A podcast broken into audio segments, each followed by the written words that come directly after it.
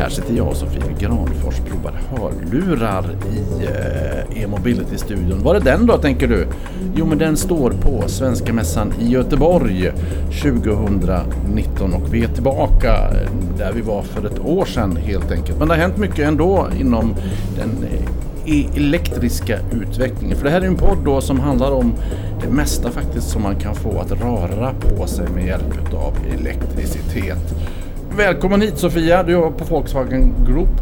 Tack snälla, det stämmer jättebra. Vad gör ni på Volkswagen Group eh, när det handlar om eh, elektrisk mobilitet? Vad gör vi? Vi gör massor av olika grejer men framförallt så håller vi på att lansera en helt ny elbilsfamilj som vi kallar för ID. Eh, och den kommer ju bestå av flera olika bilar i olika storleksklasser i olika utföranden. Allt från eh, den första ID3 som kommer som är ju i golfklass mm. eh, ända upp till bussen som vi också presenterade, den som är en gammal, eller en ny version utav vår gamla Folka-buss. Och däremellan kommer det ju en rad olika SUVar och andra olika modeller också. Den, den där Folka-bussen då elektriska, det är sån här Instagram opportunities. Precis. Många som vill det. Och kolla den är tillbaka! Den är tillbaka och det är nästan den vi får mest frågor om och folk undrar när den kommer och är väldigt intresserade av den. Så eh, det är många som ser fram emot den. Volkswagen har ju med sig, alltså från grunden, ett ikoniskt utseende det har alltid varit lätt att se, speciellt de klassiska bubblorna och folkvagnsbussarna, att det är det. Är det viktigt, tror du, i designen också för de nya elektriska bilarna? Man ska känna direkt att det här är en Volkswagen? Absolut, och det gör man när man tittar på ID3 som är den första som är presenterad. Man ser tydligt att det är en Volkswagen. Samtidigt så har man också velat ge den ett modernare utseende med mer futuristiska detaljer på den. Så eh, det är en mix utav det. Men man ska absolut känna igen sig att det är en Volkswagen man sitter i och inte minst på kvaliteten inuti bilen. Det, Volkswagen är ju ett gigantiskt bilföretag. Eh, finns över hela världen och jag tänker att om man håller på med en omställning, någon slags paradigmskifte. Jädra massa man måste tänka på. Återförsäljare och kunder och inte minst de anställda. Hur jobbar ni på Volkswagen i Sverige med det? Absolut, det här är ju någonting helt nytt. Även om vi har sålt elbilar under många år och ut hos våra återförsäljare så de har ju stor kunskap kring det här. Men när vi lanserar ID och ett helt nytt koncept så är det ju såklart jättemycket saker som är nytt för dem. Eh, inte minst allting som har med laddinfrastruktur och laddning att göra som är ganska komplext. Eh, men vi eh, jobbar intensivt med att ta fram olika utbild utbildningar i olika former. Allt från webbutbildningar till eh, utbildningar via vår egen Training Academy som vi har där vi erbjuder olika elbilsutbildningar. Mm. Eh, vi får ju också en hel del eh, material från fabriken såklart med produktutbildningar där man får en crash course i respektive bilmodell då till exempel. Är det mycket plugga? Eh. Är det så här att det kommer en, en tysk ingenjör, nu har ni prov på att testa, nu ska ni lära allt om kilowatt? Nej, så brukar det inte vara. Utan ofta är det ju att man kanske sitter hemma vid webb, själv vid datorn och går igenom de här webbutbildningarna och sen så får man kanske åka ner till fabriken en dag och få en intensiv dag eller något liknande. Eller hos oss på, på skolan då. Jag tänker att det finns ju Alltså jag sa Volkswagen finns över hela världen, man tillverkar bilar på en jädra massa olika ställen. Eh, men marknaden kanske inte ser exakt likadan ut. Eller har det varit någonting där ni känner att ja, men det här måste vi anpassa för, för den svenska marknaden? Eh, vi har ju kommit ganska långt när det gäller omställningen till elbilar så att vi, vi ligger ju i framkant där hela tiden. Men det som vi behöver göra är just att anpassa bilarna lite grann för att ta hem dem till svenska marknaden. Och framförallt efter det svenska klimatet som vi har här. Så vi behöver ju vinterutrusta dem med till exempel värmepump så att du kan ta det längre på vintern, maximera räckvidden, eh, ha uppvärmda stolar och alla sådana saker och speglar och sånt som man kanske inte behöver tänka på nere i Sydeuropa. Du, eh, du sa att vi har ett speciellt klimat i Sverige då. Vi har lite kallare och vi har eh, just i Göteborgstrakten föll i natt den första snön. Mm. Bara en sån sak. Eh, klimatneutral ska ID-serien vara. Exakt, det är någonting helt fantastiskt tycker vi eh, och någonting helt nytt på marknaden som man inte har sett förut utan eh, vi har, kommer att lansera den här ID3 som är den första bilen i den här serien av klimatneutrala bilar i, och det kommer vi göra egentligen i fyra steg. Eh, det börjar med våra underleverantörer där vi köper in alla delar. Där ställer vi krav på att de behöver ha helt grön el i tillverkningen i deras fabriker. Våra egna fabriker i, där vi kommer tillverka i det kommer vi ha också bara helt grön el. Och i de fallen där det absolut inte går att, att undvika några former av utsläpp så kommer vi att klimatkompensera det i olika former av miljöskyddsprojekt eh, runt om i. Det känns så. som att det här är lättare att göra i länder som Sverige än, än kanske i andra delar utav världen? Absolut, det, det är nog, det har, har större betydelse. Samtidigt så sker ju produktionen inte i Sverige då så, såklart utan den sker nere i Tyskland framför allt. Eh, men sen så när, då, när bilen har kommit ut så där, där, är ju egentligen vårt ansvar, det vi behöver ta vid då att först och främst när bilarna kommer ut till återförsäljarna så behöver vi ha grön eller förnybar el, mm. el ut hos våra anläggningar där vi laddar bilarna innan de går ut till kund. Och sen så behöver vi ju vara tydliga mot kunden att nu tar kunden över ansvaret att, att fortsätta att behålla den här bilen klimatneutral genom resten av livscykeln på bilen. Och det har vi gjort genom att vi kommer att erbjuda ett, eh, ett, ett elavtal egentligen tillsammans med Jämtkraft där vi har tagit fram eh, Volkswagen förnybar el eh, som vi kommer erbjuda till alla kunder som köper en, en laddbar bil utav oss då, för att man ska kunna fortsätta att ladda grönt eller, eller ännu hellre förnybart här i Sverige eftersom att vi har så pass bra elmix här i Sverige. Så här i Sverige är det ju inte samma problematik som man ser i till exempel Tyskland där man har mycket kol. Mm. Eh, här har vi redan en bra elmix men det är ändå viktigt att vi, att vi trycker på att fortsätta att den här resan ska vara klimatneutral. Och sen så gäller det självklart att vi tar hand om bilen när den har eh, när den är färdig för att, när den är klar för marknaden och ska skrotas eller så. Då. Att vi tar hand om framförallt batteriet eh, som är ju den allra viktigaste delen såklart. Och där handlar det ju inte bara om att återvinna utan också att eh, använda second life, alltså att använda batteriet igen. Vi ställer ju krav på våra, eller vi har ju en garanti på våra batterier som säger att efter 8 år eller 16 000 mil så ska det fortfarande vara 70% kvar utav kapaciteten i batteriet. Har ni någon infrastruktur för det att återvända det till exempel i fabrik eller, eller hus? Vi håller på att ta fram, jobbar i sådana typer av olika projekt nu. Eh, ett, en sån som man redan har presenterat är ju en form av eh, laddstation som är egentligen flyttbar som man kan flytta där man använder då gamla batterier Eh, som man kan ha till exempel på ett sånt här event där man behöver ladda bilar så kan du ställa ner sådana mobila laddstationer som är laddade då med, med förnybar el i, i de här gamla bilbatterierna och ladda bilar med den. Och sen så när, när den är tom så fyller du på den eller byter ut den.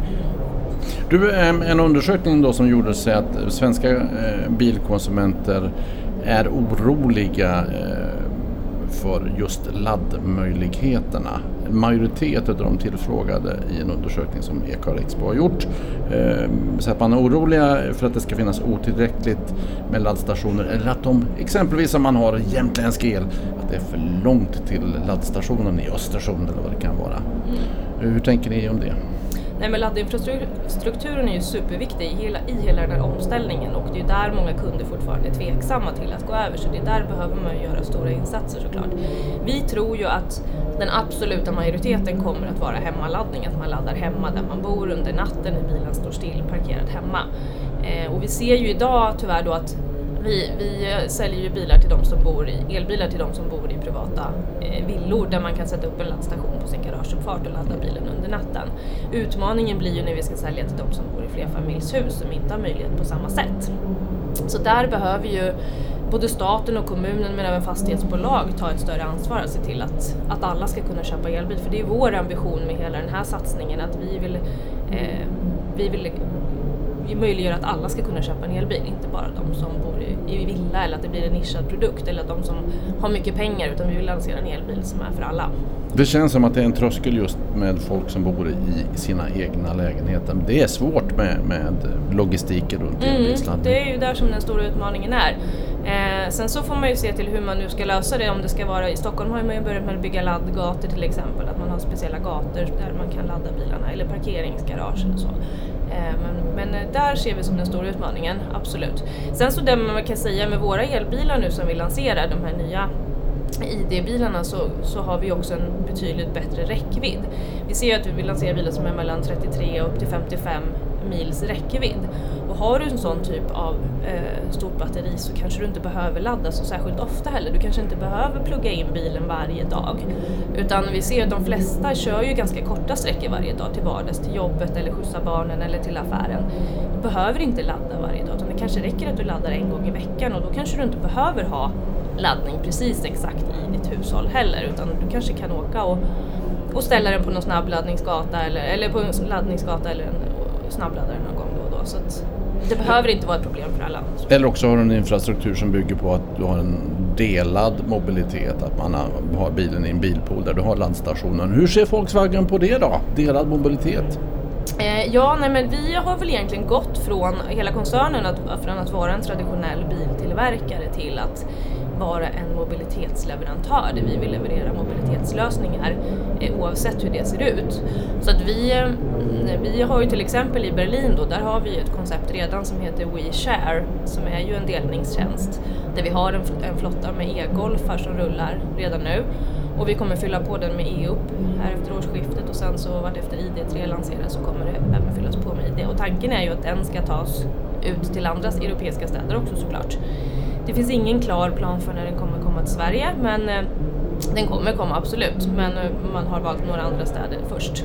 Och det handlar väl kanske mycket om, vi har ju sett i Sverige att, marknaden kanske inte har varit helt mogen ännu eh, med tanke på att det är några bolag som har fått stänga ner, de som har försökt har fått stänga igen. Då, så att, men eh, vi tror absolut att det här en, kommer vara en del, framförallt i storstäder där framöver. Så. Du, man pratar om, om den smarta staden eh, då, eh, alltså där, där det här samverkar. Vilken roll skulle du säga att Volkswagen har där? Det handlar ju fortfarande om att vi kommer vara en mobilitetsleverantör och stå för att leverera ut bilar på ett eller annat sätt oavsett om det är till den privata kunden eller om det är delningsbilar. Eh, så att leverera ut elbilar som, som kommer att fungera där i, den smarta staden också. Och där kan vi, den andra delen vi kan ju se är det här med bilarnas möjlighet att dela med sig av sin energi och att kunna lagra energi i batteriet, vehicle to grid, som på sikt kommer ju bli en jätteviktig del för att kunna kapa toppar till exempel när vi ser att... Vi förklarar vehicle to grid för de som inte har lyssnat på podden mm. tidigare. Nej men det är ju att eh, när du när du kommer hem då till exempel och så pluggar du in din bil i laddaren eh, hemma så kanske bilen har halvfullt batteri till exempel och den ska stå där hela natten så du behöver inte använda den här energin.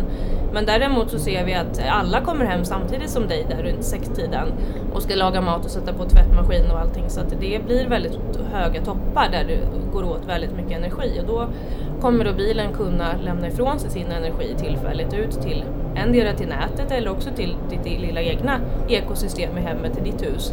Så du kan använda den energin då för att kapa topparna och sen så när, när du inte behöver energin där igen och när bilen står och laddar under natten så kan du få tillbaka eh, energin till, till, batteriet i bilen då, så att den är fulladdad på morgonen när du ska åka iväg. Alla delar med sig? Precis. Ja. Du, eh, batterierna då, ett omtalat tema. Det är brist på batterier eller de tillverkas eh, oetiskt och så. Hur, hur tänker man när man ska göra då en klimatneutral bil?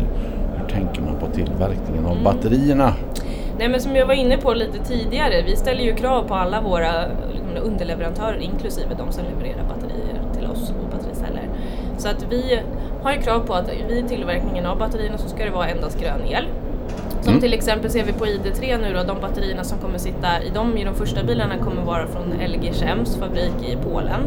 Där de har ställt om den fabriken och enbart använder grön el där. Och eh, när det gäller etiska förhållanden så självklart är det superviktigt och avgörande att vi, vi är ju stora, Volkswagen är stora, så vi behöver ju ta, självklart ta ansvar för att det här går till på ett schysst sätt. Så där har vi också avtal med alla eh, med alla leverantörer såklart att det ska vara schyssta arbetsförhållanden och att det inte får förekomma något barnarbete och så. Och, och gör det det mot, mot förmodan så kommer vi att säga upp de kontrakten. Så att, eh, Bra. absolut tagit vårt ansvar i den frågan.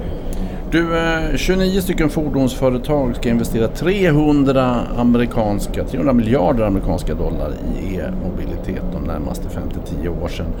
Och av de här företagen då så är det tydligen Volkswagen-gruppen som eh, satsar mest. Mm. Vad vet du om det?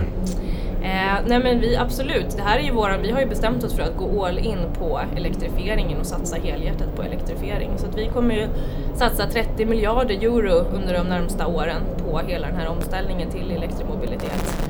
Eh, vi kommer att lansera 70 nya helt eldrivna modeller inom koncernen och därutöver en rad olika laddhybrider. Är Volkswagen på väg mot fullständig e-mobilitet? Absolut, det är vårt mål. Och vi har ju till och med gått ut och sagt att eh, vi, ett, liksom ett, ett, år när vi kommer sluta med att tillverka förbränningsmotorer. Vi har sagt att någonstans runt 2026 så kommer vi att tillverka den sista eh, förbränningsplattformen om man säger så. Och sen tar, räknar vi med att det tar ungefär två produktlivscyklar innan innan vi, den, den liksom har gjort sitt. Mm. Och då är vi framme vid 2040 och så där någonstans så kommer den sista förbränningsbilen med förbränningsmotor rulla ut från våra fabriker. Och det kommer ju troligen inte vara till den svenska marknaden för det har nog skett tidigare skulle jag tro eftersom att vi, vår omställningen här kommer nog gå ännu fortare. Sen så räknar vi med att det tar ungefär 10 år innan hela fordonsflottan är utbytt och att vi runt 2050 då kan i enlighet med Parisavtalet ha en helt CO2-neutral fordonsflotta på vägarna. Vilken gigantisk plan! Mhm, jättestor. Nej men det är ju, alltså Volkswagen är ju ändå så jädra stort och har funnits ända sedan Ferdinand Porsche satt och ritade Volkswagen hemma i garaget eller vad det Precis. var. En fråga till dig, jag har googlat lite gärna. Eh, ID, ID-modellen då är på, på ingång. Har Volkswagen någon gång tidigare haft en, en, ett fordon med eh, bokstäverna ID i sig utav alla hundratals modeller man har gjort? Kan du den här så är det bara pluspoäng. Jag tror inte du kan den. Jag kan inte den kan jag säga. 1964 kom en fyrkantig postbil gul som hette Volkswagen Fridolin. Oh, nej, det var lite innan min tid. Nej, och den fanns inte så länge och den var väl ingen hit kanske. Nej. Men så var det i alla fall, så man kan ju säga att det är en gammal tradition precis som den här Volkswagen-bussen vi berättade om som har blivit elektrisk. Ja, du, din favorit eh, Volkswagen då? Om du bara på studs så här får kasta ur dig en. Ja, men jag ser fram emot våran eh, som kommer, mm, ID-bil som kommer efter den här ID3 så kommer det ju komma ytterligare en i, serien som kommer lanseras i slutet av nästa år som är en eh, SUV i Tiguan-storlek ungefär. Eh, och det tror jag kommer absolut bli min framtida favorit i alla fall. Kanske blir min också, det vet vi inte. Mm. Ja. Du Sofia, vad trevligt att du var med oss i e-mobility-podden. Jättekul att få vara med. Vad ska du titta på på mässan? Förutom era egna grejer? Ja, nej men absolut. Vi får väl gå runt och kika på alla, vad alla märken egentligen kommer med att presentera. Polestar är ju här till exempel så vi får gå och kika på vad de har att visa upp här nu. Spännande. Kul att du var med. Tack så mycket. Tack så mycket. Och du som lyssnade, tack för att du lyssnade.